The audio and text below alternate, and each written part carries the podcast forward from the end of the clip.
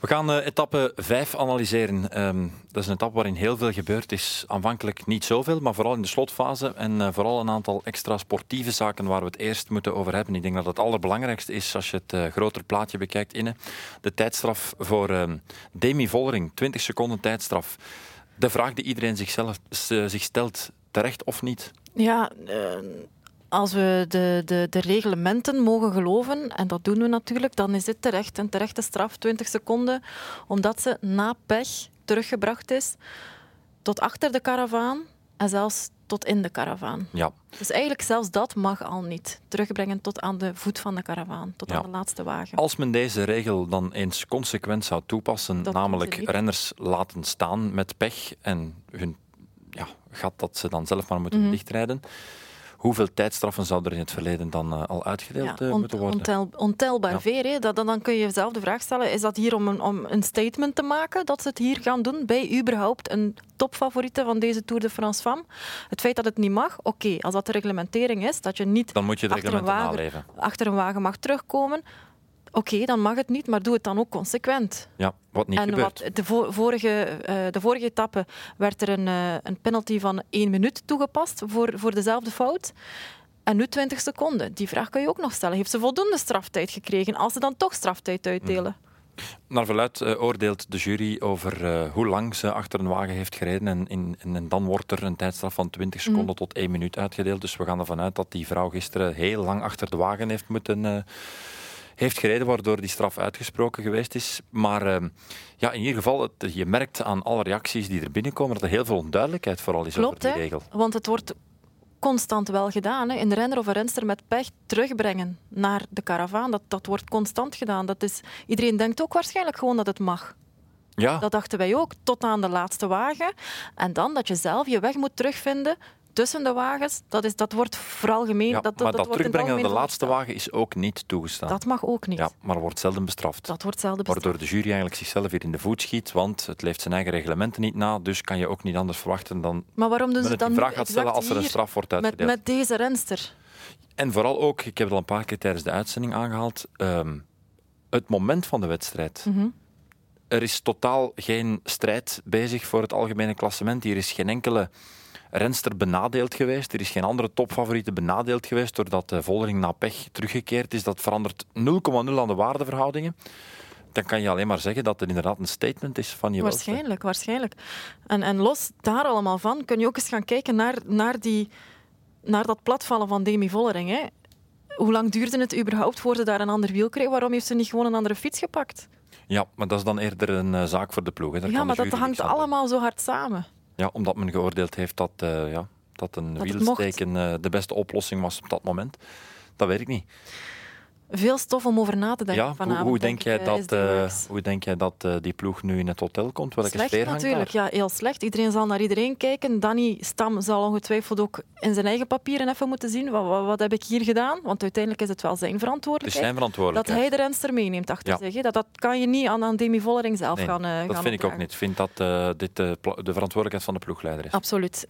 Hij moet dat weten. En, en, dan ook als je de beelden herbekijkt, dan zie je dat de, dat de jurymotor daar al heel lang met zijn vinger aan het zwaaien is van dit mag niet, dit mag niet. En hij bleef echt rijden. Wat we ook gezien hebben... Wat ik moment... ook wel kan begrijpen, is dat je niet voortdurend in je achteruitkijkspiegel aan het kijken bent in zo'n nee, situatie. je bent in tegendeel. Je bent in je spiegel aan het kijken omdat Demi Vollering daar op, op, op zo ver van je bumper rijdt. Ja, dus eigenlijk dus de focus is constant op Vollering. Je kijkt niet in de, in de, Ja. in de zijspiegel. Um, Wat we ook zagen, is dat die karavaan stil stond. Ja, Leek me vrij gevaarlijk om daar alle remmen dicht te slaan. Exact, exact. Had hij daar echt vol in de remmen gegaan, dan, uh, dan was Vollering er, er, compleet op, ge, op gebotst. Ja. Maar dus het terugbrengen tot aan de karavaan mag niet en is hier voor de eerste keer zo hard beboet. Zeer streng toegepast en ik uh, ga er vanaf nu met heel veel aandacht naar ja, kijken. En ik hoop, iedereen, denk ik. En ik hoop dat het uh, elke keer opnieuw zeer consequent wordt Mhm. toegepast, want anders uh, ja, mogen ze ons morgen iets anders gaan wijsmaken. Het is... uh, het is een kwestie van de eigen reglementen streng en juist en consequent toe te passen. Trouwens, in dat opzicht, Ja. wat deed de Rode Wagen in de slot net 10, zeggen. 15 kilometer? Misschien even eerst bij zichzelf ook gaan kijken in de organisatie. Want het voordeel dat Bauernfeind daar heeft uitgehaald, ja, Was veel, heel veel. heel veel. Waar, we willen niet afdoen aan Bowen Fine zelf. Hè. Dat is een heel sterke renster, verdient het om te winnen. Maar ze heeft er een gigantisch voordeel uitgehaald. Ja. Die reed constant veel te dicht. Je zag het zelf in de laatste 700 meter nog. Hè. Uh, ja, dan moet de jury is ze gedwongen van, enfin, als het een jurywagen was, het kan ook een organisatiewagen geweest zijn met de koersdirecteur, uh, dat, dat konden wij niet opmaken. Dan moeten ze plaatsnemen mm -hmm. achter mm -hmm. uh, de renster. Maar het is ook niet nodig om dat op vier meter afstand te doen. Hè, want iedereen weet ondertussen dat ook erachter rijden een voordeel Je kan dat ook op, op 30 meter doen. Je hoeft daar niet vlak achter te rijden. Nee, en het is een beetje het verhaal van, van deze Tour. Hè. Alle, motor, uh, alle motoren in de wedstrijd, de wagens nu ook nog eens. hoe eerlijk zijn we dan eigenlijk nog aan het fietsen? Ja. En natuurlijk in die laatste 700 meter was het kalf al lang verdronken. Daar gingen ze de koers niet meer verliezen. Maar we hebben ook beelden gezien op 10, 15 mhm. kilometer van de streep waarbij de wagen echt maar nauwelijks 30, 40 meter ervoor reed. En al, je weet hoeveel capaciteiten een Reusser heeft. En als zij zich daar echt op, dat kop, op die kop van het peloton zet en dan nog eens met twee erachteraan gaan en eigenlijk bijna niet dichter komt, dat is heel raar, hè? Reusser, die kan, niemand kan die bijna volgen. Hè? En zij, zij liep niet in. Nee tot op een 35 seconden is hij gekomen en dan stopte het. Dan was het uh, alsof er vooraan andere krachten uh, aan het meespelen waren. Welke tactiek hebben ze nu eigenlijk toegepast bij SD Works vandaag? Geen. Geen tactiek, een lak tactiek zou ik zeggen. Ja. Um, veel te lang gewacht om in die achtervolging te gaan. Natuurlijk, ze zaten daar niet meer met, met heel veel. Hè. We hadden Vollering nog, we hadden uh, nog en Reusser. Mm. De rest was weg. Eigenlijk een beetje... Mogeru had ik daar altijd nog verwacht in dat groepje. Was er niet. Vollering moest niet gaan rijden in de achtervolging. Dus het was enkel Reusser die dat moest gaan doen voor, uh, voor Kopecky. Veel te lang gewacht. Ze zaten al op meer dan een minuut vooraleer ze eigenlijk... In 40. Een minuut 40 vooraleer ze op kop ging gaan rijden. Dan is het kalf al lang verdronken. Hè. En dat hebben ze ook een beetje, denk ik, aan zichzelf te danken omdat ze geen allianties hebben gesmeten tegen nee, je kan al beginnen op kop te rijden en dan moet de kopvrouw, Kopecky of Vollering, eens gaan luisteren bij FDG, eens gaan luisteren bij Movistar. Hey, jullie kunnen ook nog voor de overwinning rijden op een of andere manier. Maar veel vrienden hebben ze in deze Tour nog niet gemaakt. Hè. Het is elke dag, ja, ze dragen de gele trui. Ze hebben een topfavoriet in de rangen. Ze hebben een topfavoriet voor de sprints gehad tot vandaag. En toch beginnen ze altijd de wedstrijd met te zeggen van ja, wij gaan het niet doen, van ons moet je het niet verwachten, wij gaan de koers niet in handen nemen.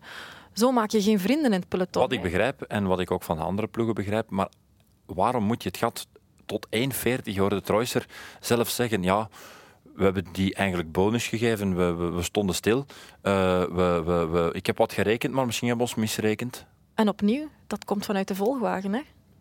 Dat kunnen we heel moeilijk aan de renners uh, toeschrijven. Hè. Kijk naar die pelotonsprint, hoe makkelijk wint Kopecky die. Ja, met de vingers. Wat eigenlijk je al kon voorspellen op 30 eh, kilometer. Uiteraard, en dan had ze hier een, een ritoverwinning en dan nog eens al die extra punten voor de groene trui binnengehaald. Ja.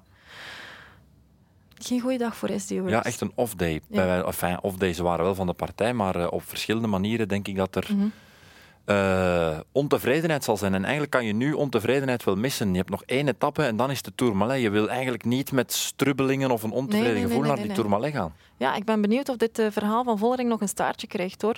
Uh, maar ook, laat ons ook niet enkel naar SD Works kijken. Daar waren nog ploegen die iets konden gaan doen met achtervolging. Kijk naar UAE, uh, voor een Persico. kijk naar Trek. Spread had daar perfect kunnen rijden voor, voor Maar anderzijds, zoals je zelf zegt, ze hebben blijkbaar geen vrienden meer nee. in het peloton. En, en dat dus hebben ze aan zichzelf te denken. Hen niet. Nee, en dat hebben ze aan zichzelf te danken. Ja, ja dat is juist. Lacht van Vleuten in haar vuistje? Na wat er vandaag gebeurd is? Ja, natuurlijk. Die, die zal stond goed er acht slapen. achter, die staat er twaalf voor nu. Die zal goed slapen. Ja, die denkt, uh, Ambras in de klas, ik heb het graag. Absoluut, ja. Ik zou liever van Vleuten zijn dan Vollering nu vandaag.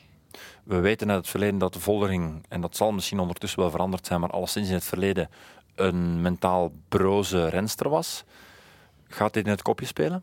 Dat gaat ongetwijfeld in het kopje spelen. Vooral het feit dat je vindt dat je ten onrechte bestraft bent of zo op de een of andere manier. Vooral dat. Hè. Je vindt dat, je, dat er jou onrecht is aangedaan. Je kunt wel falen of je kunt ontevreden zijn over jezelf, maar als je vindt dat je ten onrechte beboet bent, dat, gaat wel, dat kan wel in je kopje spelen. Dat denk ik wel. Ja, een reactie van haarzelf, want wij hebben die eigenlijk op dit moment mhm. nog niet gehoord, maar ik lees ze net. Ze was verrast en ze reageerde: oké, als ze het zo willen doen. Dus ze voelt zich inderdaad benadeeld. Natuurlijk, en dat is niet goed. Dat is voor niemand goed jezelf benadeeld voelen. Dat is nog slechter dan, dan falen in iets wat je geprobeerd hebt. Want daar kan je niets aan doen, denken zij dan in hun hoofd. Hè? Ja, um, ik lees nog even verder in uh, de reactie. Um, er mocht blijkbaar uh, ja, vanuit de ploeg was er het directief gegeven dat de Vollering geen lead-out mocht doen voor, uh, voor Kopecky. Wat ik op zich nog wel kan begrijpen. Mm -hmm. Je moet nu geen extra krachten verspelen. Maar uh, te laat in actie geschoten, zeggen ze ook. Maar Vollering wint wel de pelotonsprint zonder, zonder lead-out. Kopecky ja. wint ook de pelotonsprint ja. zonder lead-out. Hè? Ja. Dus... Ja, veel stof nog altijd op discussie. Veel vraagtekens. En dat dit gaat nazinderen. Op die manier blijft het een, een hele toffe tour om te zien. Hè? Ja, vanuit ons oogpunt, maar niet vanuit het oogpunt van nee. Kenya natuurlijk, wordt uh, die overwinning van uh, op die manier wat ondergesneeuwd. Uh, maar het is wel mooi dat een renster van 23 jaar dit uh, kan. Het is wel op zich een zware etappe geweest en ze maakt het uh, mooi af. Zonder, enfin, met die wagen van ja. jury dan. Ja, maar ook tof dat die ploeg, Canyon SRAM is, iemand, is een ploeg dat eigenlijk heel vaak heel aanvallend durft koersen naar, naar, naar, uh, naar het voorbeeld van Nieuwia Doma, naar een kopvrouw. Uh, en dat wel mooi dat ze het eindelijk uh, ook eens weer opnieuw kunnen gaan afmaken. Zeker met zo'n renster die dan doorgegroeid is van, van de opleidingsploeg naar die World Tour ploeg. Dat is toch wel een teken dat ze, dat ze goed bezig zijn bij Canyon SRAM. Ja, het is 20 over 6. Onze uitzending is eigenlijk nog maar 20 minuten geleden afgelopen. Dus het moet toch nog even bezinken. Heb jij ook dat gevoel? Ja.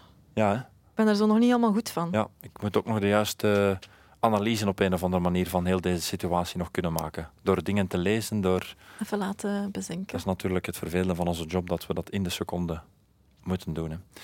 Maar goed, morgen is er een nieuwe dag. Denken we dat er spurters aan het feest kunnen zijn. We gaan het nog eens Er denken. zijn geen zekerheden in deze Tour. Dat is uh, ook iets wat we geleerd hebben. De enige zekerheid die er is, is dat we er vanaf 20 over 3 op VRT1 zullen zijn. Tot morgen.